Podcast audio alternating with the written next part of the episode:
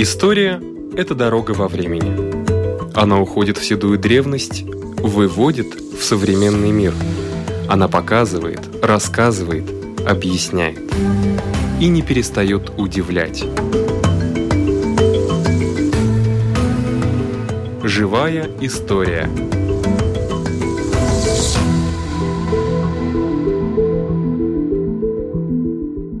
У микрофона Лидия Чера.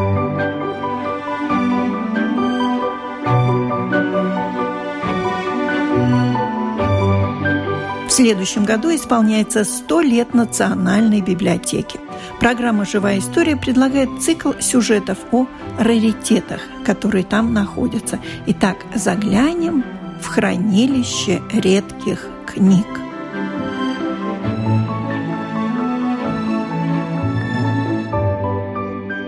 Историк Мартин Шмейнтаурс совсем недавно весь мир, по-моему, не только Европа, отмечала завершение Первой мировой войны. Национальная библиотека тоже отметила это событие. Да, Латвийская национальная библиотека действительно отметила это событие вместе со всеми остальными.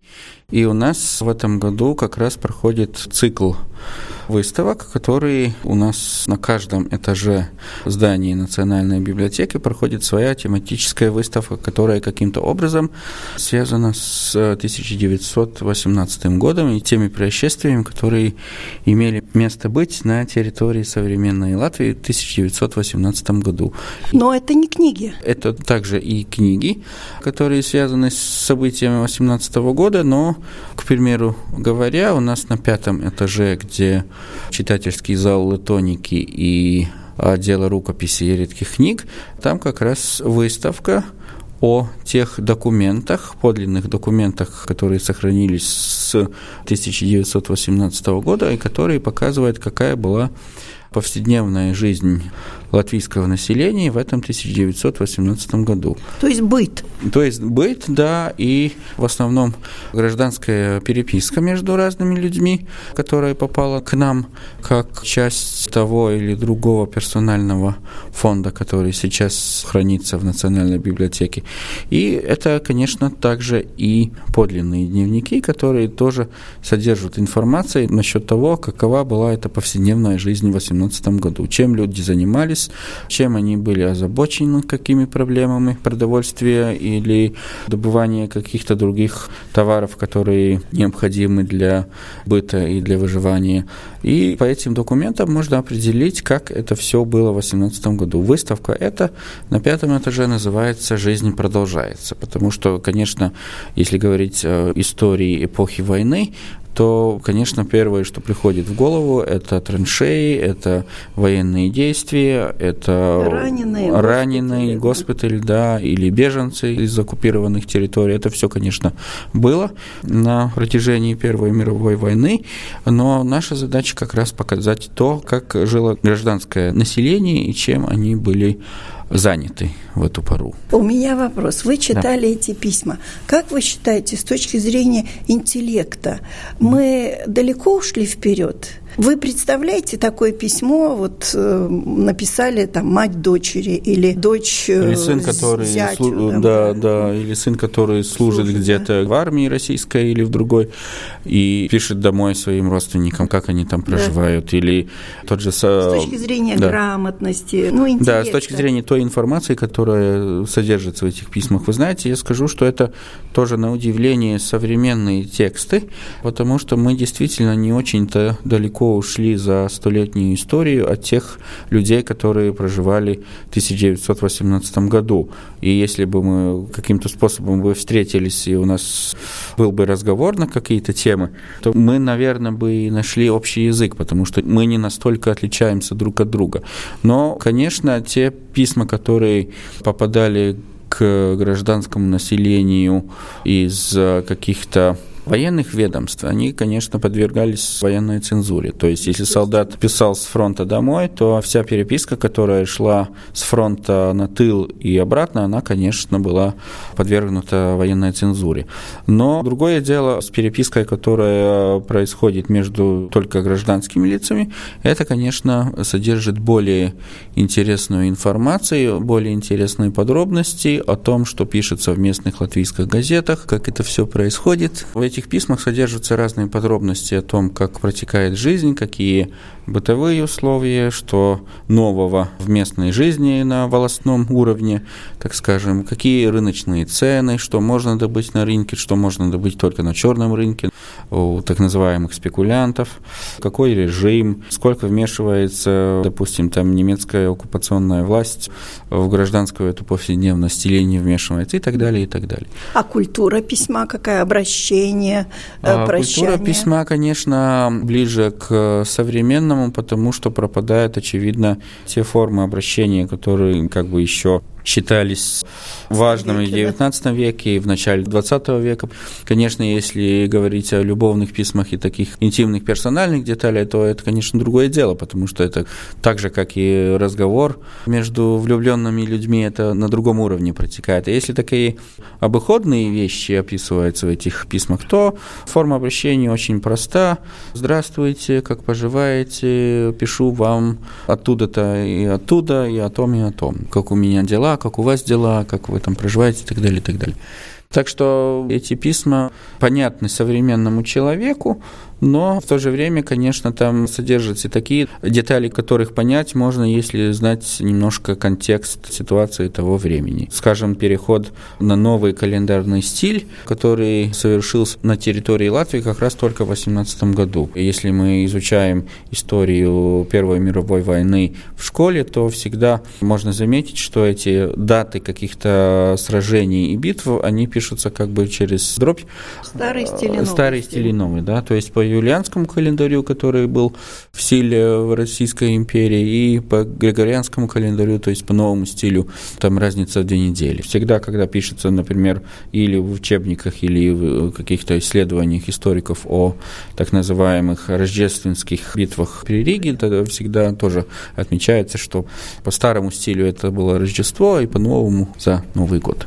А грамматика? Как люди грамотные были? Э, люди грамотные, и орфография тоже не очень отличается, потому что эти документы, все письменные источники, они написаны от руки, и можно прочесть, конечно, написано в основном чернилами, это тоже свидетельствует о том, что на бытовом уровне это как бы не было проблемы достать чернил и в 18 году, потому что там рукопись, которые карандашом сделаны, их гораздо меньше, чем можно было бы предположить на тот момент. И в грамматике грамматика тоже, она, конечно, немножко отличается от современной грамматики латышского языка, но тоже это все понятно, и как раз интересно то, как э, складывается. складывается приложение, да, какие слова употребляются. Есть, конечно, такие старинные, которые как бы сейчас уже ушли из обихода, но понять можно.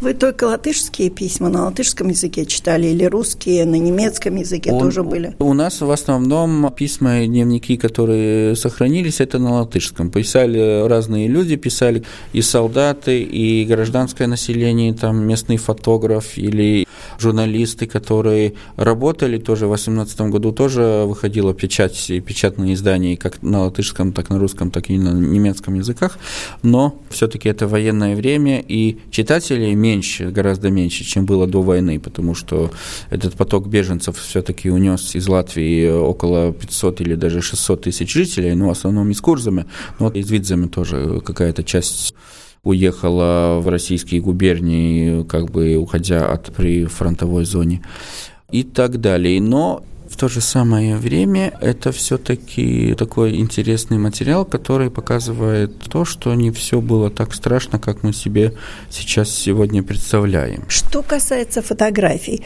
фотографии всегда сами по себе, может быть, не представляют даже такого интереса, да. как лицо человека, а вот одежда, то, угу. что за ним, какие фотографии, какие портреты, угу. какая амуниция, что в руках держит. Да. Вот это всегда очень интересно. А, да, что... да, это действительно очень интересно интересно, но надо сказать, что и в военное время, в этом 18 году, те фотографии, которые делались у мастера, они были салонного типа, то есть очень редко попадаются такие фотографии, на которых видно что-то из окружения того времени вне салоне фотографа, потому что сохранилась еще эта старинная традиция, что если отдельный человек, тоже солдат с фронта приехал на отпуск, который ему полагается, или семья, которая решила сфотографироваться все вместе по какому-то случаю в семье или по празднику или как, они ходили к фотографу, и фотограф их снимал э, в своем салоне. То есть на живописном фоне каком-то, на каких-то портьерах, на фоне какого-то пейзажа, который там нарисован, репродукции и так далее. Но есть и такие фотографии, которые немножко показывают то окружение, какое оно было в этом 18 году. Например, есть несколько фотографий из Видземе, из Раунской волости около Цесис, где фотограф снял похороны несколько кадров, которые показывают это похоронное шествие из церкви на кладбище и само погребление, и потом шествие обратно. Есть и такие, как бы мы сегодня говорили, такие этнографические черты, которые тоже заметны. Одежда, если не считать тех военных, которые, конечно, носили форму, то одежда довольно такая скромная, но нельзя сказать, что по одежде можно было бы судить, что они жили бедно или жили в каких-то очень притесненных обстоятельствах. Одежда, конечно, скромная, если сопоставить с теми салонными фотографиями, которые делались где-то около 10-12 года до войны, то, конечно, там наряды более пышные, женские и мужские в том числе. Но тоже надо иметь в виду, что эти фотографии военного времени, они делались в провинции, потому что в Риге уже другие обстоятельства не до фотографирования, но как раз эти провинциальные фотографии, они показывают то, какова была жизнь в этих маленьких городах или в селах Видземе в это военное время. Там действительно интересный материал. Ну да, да, еще и фотоаппаратов-то было очень-очень ну, редко у кого. Да, фотоаппараты в основном были стационарными, которые действительно стояли где-то в студии у фотографа, и можно было, конечно, поехать взять с собой и сделать какой-то пленярный снимок на природе, но и фотопленка дефицит по тем временам, конечно, военным. И, наверное, вся эта техника довольно тяжелая, но в то же самое время довольно хрупкая, потому что нести с собой собой этот фотоаппарат стационарный, это тоже проблема техническая тяжело уже. тоже, да, угу. тяжело. Одному фотографу наш... было не справиться, потому из-за этого и у каждого фотографа должны были быть ассистенты, один или два. Но это как раз тоже военное время, это уже роскошь. Да, но что мы хотим, конец войны, хотя для Латвии война еще продолжалась. Да, потому что война за независимость, это как вот. раз началась с э, Бермонтиада уже на год позже, это уже октябрь-ноябрь 19 года, в 18 году, как раз после провозглашения Латвийской республики в Риге. Военные действия начались где-то в декабре 18 в январе 19 когда Красная Армия под э, руководством латышских красных стрелков и правительством Петра Стучки они возвращались из Москвы и шли сюда, в Ригу, и дошли до Курсами, до Лепай почти. Но это уже а другая это уже 19 год, да, это уже другая история. А это выставка 18 -го Эта года. выставка посвящается как раз тем событиям, которые происходили здесь в 18 году.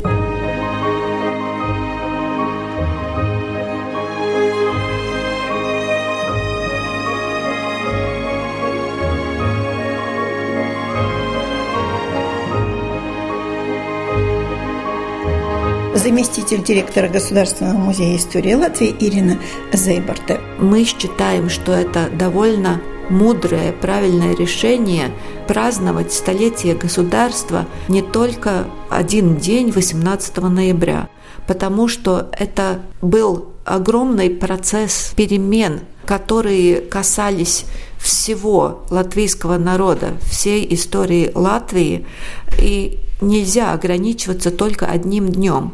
И поэтому наша программа, которую мы уже начали готовить три года тому назад, состоит и состояла и из таких одноразовых мероприятий, которые прошли именно 18 ноября в музее, когда мы приглашали своих посетителей на ежечасные лекции историков о провозгласителях государства, когда мы приглашали молодое поколение детей, школьников на особые музейно-педагогические программы о том, как становилось государство, какими были наши первые символы, какими были наши первые награды и так далее. Эти мероприятия были, конечно, предназначены тем, кто посетил музей 18 ноября. А полная программа, мы ее показали презентировали обществу уже в мае этого года. Это было открытие нашей, мы, наверное, без скромности можем сказать, грандиозной выставки «Век Латвии». Мы уже рассказывали о том, что это самый большой проект музеев Латвии, именно это наше посвящение столетию государства. И в этом проекте участвовали 68 музеев. То есть на выставке «Век Латвии», которую можно осмотреть на бульваре Бриви быстрее 32 в здании Национального музея истории Латвии представлены не просто экспонаты, а реликвии из 68 музеев и частных коллекций большого количества жителей Латвии. Эта выставка продолжается, но открытием выставки, конечно, мы не ограничились, потому что, чтобы выставка была жива, интересна и после открытия посетителям ее, мы приготовили несколько программ и приготовили, даже, надо сказать, для себя неожиданный сюрприз, которым мы очень-очень гордимся. Речь идет о книге, которая была презентирована открыто торжественно 16 ноября в преддверии праздника. Книга носит очень простое название «Основатели латвийского государства». Мы долго думали над этим названием, но решили, что лучше чем вот так просто. Сказать нельзя. Основатели латвийского государства. О чем книга? Все знаем хрестоматийную фотографию Виллиса Ридзенека, где на сцене теперешнего Национального театра Латвии увековечен этот момент, когда на сцене стоят провозгласители основатели государства, хор оперы, и все в тот момент стоят, потому что это момент, увековеченный фотографом, когда или только что спели гимн нового государства, или будут петь, потому что, как известно, гимн спели три раза. И вот этот момент увековечен на фотографии. Но фотография хрестоматийная, но очень, я бы сказала, таинственная, как оказалось. И тут я бы хотела пофилософствовать немного о том, что мы очень часто легкомысленно относимся к истории ну и это начинается с повседневной жизни. Бывает же с каждым, что мы говорим со своими собеседниками, с родственниками о чем-то, и считаем, что он это уже знает, что эта вещь сама по себе понятная. Как ты не знаешь? Все это знают, но я не знаю. И вот так очень часто бывает и в истории. Так и случилось с этой фотографией. Повторяю, то, что мы, наверное, уже многие знаем.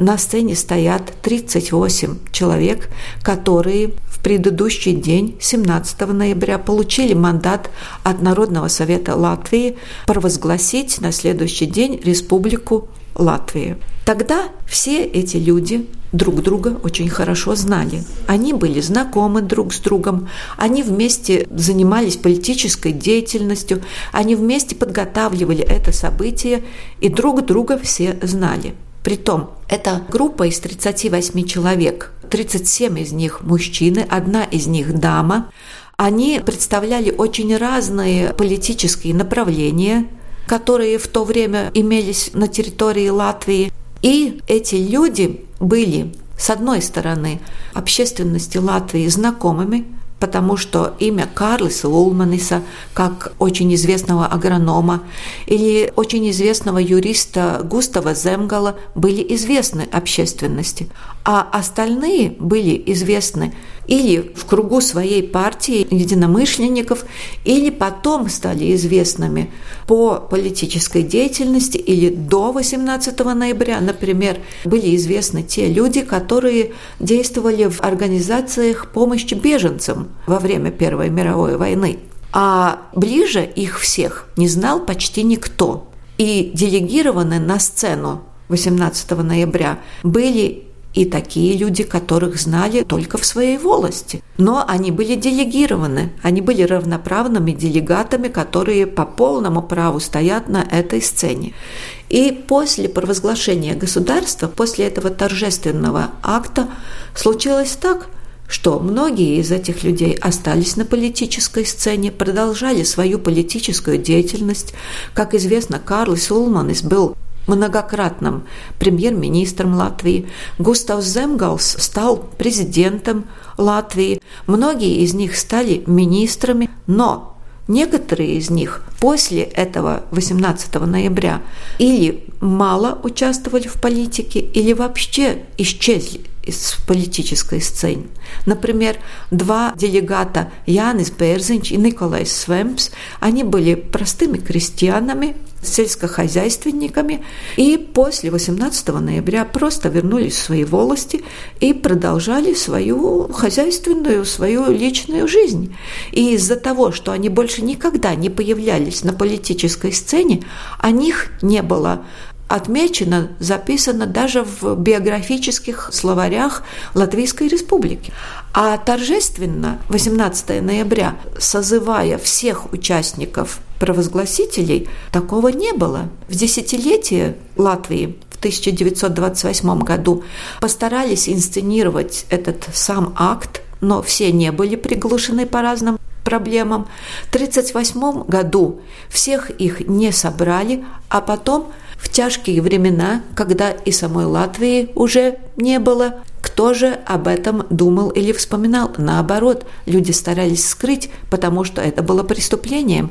Некоторым из них, бывшему, например, министру Виллису Гулбису и еще некоторым, это оказалось одним из главных обвинений, когда они были во время советской оккупации арестованы и не только сосланы, но и приговорены к смертной казни, которая была и исполнена. И поэтому опознавать всех этих участников провозгласителей и основателей государства стали только в 50-е и 60-е годы за границей, в эмиграции, латышские историки. Но тут надо опять же делать такой реверанс в сторону. Мы все знаем, сегодня интернет, телевидение, не знаю, как он выглядит. Набираю на тастатуре имя, фамилию, а вот так он выглядит. В то время люди знали только в лицо тех, кто были популярными, портреты которых печатались в газетах и в журналах. Еще советую посмотреть тогдашние газеты, чтобы увидеть, каким качеством Качество, напечатаны эти портреты. И вот оказалось, что и историки вдруг не могут всех опознать.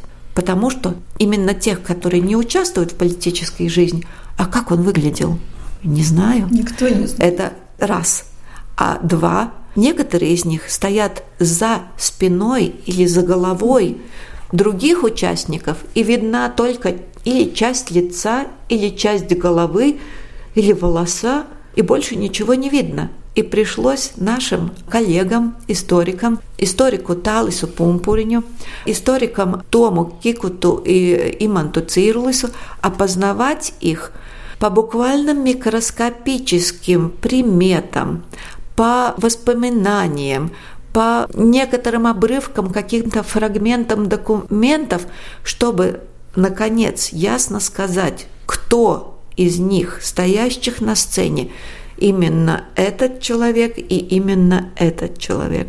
Эта работа оказалась настолько кропотливой, что я ее могу сравнить только с работой ну, следователей самого высшего разряда. И можете представить себе, даже со времени открытия выставки в мае, когда мы этим основателям государства посвятили целый раздел выставки, мы вынуждены уже в книге сделать несколько поправок. Оказалось, что один из них, Янис Бергсонс, умер не в 65 году, а в 60-м. Янис Берзинч умер не после 61 года, а в 49 году. А еще один из основателей, Эдуард Страутнекс, у нас в книге будет, где надо указать дату смерти с вопросительным знаком. Не удалось выяснить, где и когда он умер, потому что оказалось, что тот Эдуард Страутнекс, которому историки, которые исследовали эту тему, приписали дату смерти то есть умер в 1946 году или в некоторых источниках в 1944 году, это не наш основатель государства Эдуард Страутнекс, это совсем другой человек, однофамилец этого политика.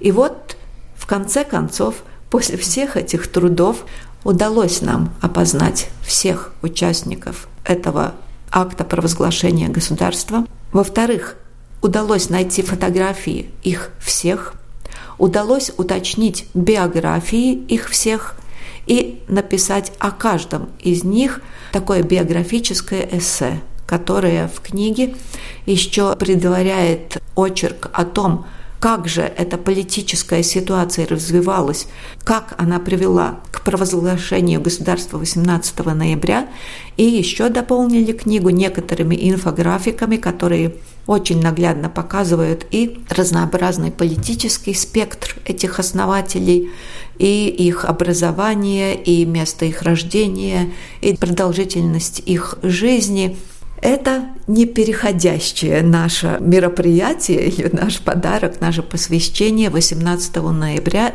этого года. У нашего микрофона была заместитель директора Государственного музея истории Латвии Ирина Зейбарте.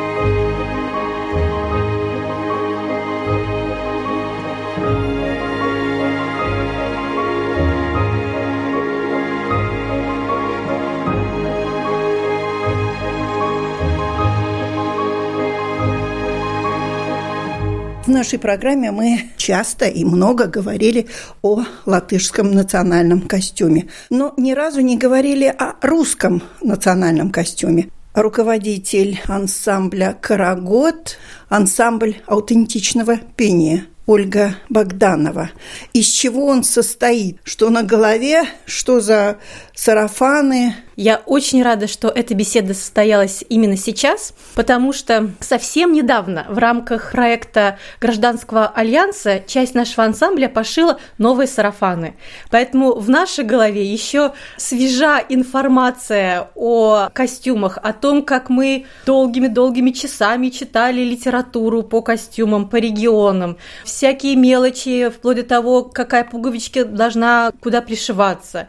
Огромное количество часов посвятили пригласили, чтобы вместе со швеями разбирать покрои, куда как шить, потому что, к сожалению, в Латвии, во всяком случае, нету швей, которые разбираются в национальном костюме. Им приносишь вышивку, очень простую, казалось бы, два куска материала, и здесь пришиты с другой стороны рукава, они говорят, мы не понимаем, почему оно кроится так, а не иначе. Это все не так, как сейчас. И приходилось вместе со швеями сидеть многие часы, разбирать вместе. А как вы понимаете, у нас экономическое образование, юридическое у кого образование, и никак не швейное. И э, было нам тяжело. Но все-таки сарафан, платок или кокошник, как сейчас часто выступают русские ансамбли. Конкретно сейчас мы шили сарафаны, рубахи и ткали пояса. Повойники и платки мы используем из наших старых костюмов. Простите, повойники это что? Повойники – это чепец, это а, самый первый одевается, да. да? Чепец, который повязывается на голову и прячется туда волосы, а сверху уже одевается платок. А как он одевается? Завязывается впереди? Да, э, сзади. У него есть завязочки, и они сзади в красивенький бантик завязываются. Голову мы одели. А кокошник одевается? Кокошник это... одевается, но это праздничный головной убор. Одевается очень редко, стоит невероятно дорого. У нас это купить невозможно, сделать некому. Но он бывает и по размерам, и по исполнению совершенно разный. И что все кокошники годятся к русскому народному костюму? Нет, нет. Они очень Тоже сильно имеют. разделяются по регионам. Кокошники северной губернии отличаются от кокошников Псковской, например, губернии, а на юге России совсем по-другому носят головные уборы. Поэтому с кокошниками это отдельная история, с ними очень долго надо еще работать и разбираться, как и что и куда. Но мы пока осилили максимально приближенные к этнографическим даже костюмом сарафаны, рубахи и пояса, чем не очень сильно гордимся, потому что в Латвии такая большая проблема с материалом. Это невозможно ничего найти. А Это материал должен сложно. быть шерстяной? Для простых бытовых костюмов сарафанов, да, шерстяной, но, опять же, учитывается обязательно цветовая гамма. Цвет. Просто так прийти и что-то купить нельзя. Пока мы нашли именно подходящую нам цветовую гамму, потому что мы брали север, запад и чуть-чуть центральной России. Мы шили шесть сарафанов и старались, чтобы один-два были из одного региона, один-два были из другого региона, поскольку наш репертуар разнообразный, поэтому мы решили, чтобы было несколько сарафанов разных регионов, потому что мы такие песни поем, и можно сразу сказать, эта песня такого региона, сарафан такого региона выглядит вот так вот. Вышивка используется? Да, обязательно, обязательно. В праздничных сарафанах уже меньше, в праздничном костюме я имею в виду. Вышивают в основном платки и немножко рубахи. А в бытовом костюме обязательно вышивка. Чем больше, тем лучше. Передники, рукава снизу, сверху, горловинка, все. Чем больше, тем лучше вышивки. Она же оберег, она же несет энергию защиты, рода, себя лично. Ну и опять же отличается мужская от женской, девичья от э, уже рожавшей женщины. А вот эти вышивки какого характера? Животного происхождения, растительные, какие там, виноград или цветы? Поскольку человек сейчас уже меньше связан с природой, но раньше человек и природа были одно целое, конечно, в вышивках в основном переплетаются растительные узоры, в архаичных вышивках особенно это животные, иногда даже сказочные животные, и божественные символы тоже очень часто. Знаки. Знаки, да. Знаки солнца, земли,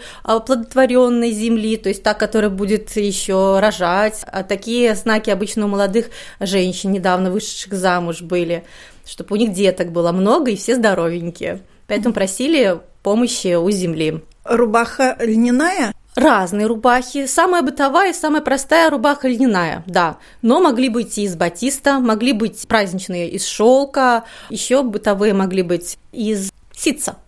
Из ситца рубахи, но есть же и ситцевые сарафаны. Есть ситцевые сарафаны, да. Они есть. тоже имеют свою направленность, расцветку. Или ситцевые сарафаны – это как бы каждодневные, будние сарафаны или Да. летние сарафаны? Да, да, ситцевые сарафаны и летние раз, и будни два. Так же, как э, шерстяные сарафаны и льняные, это будни раз, и в течение года их носили два. Но на праздники их одевали только очень бедные девушки. Богатые девушки одевали из тафты, из шелка, из атласа.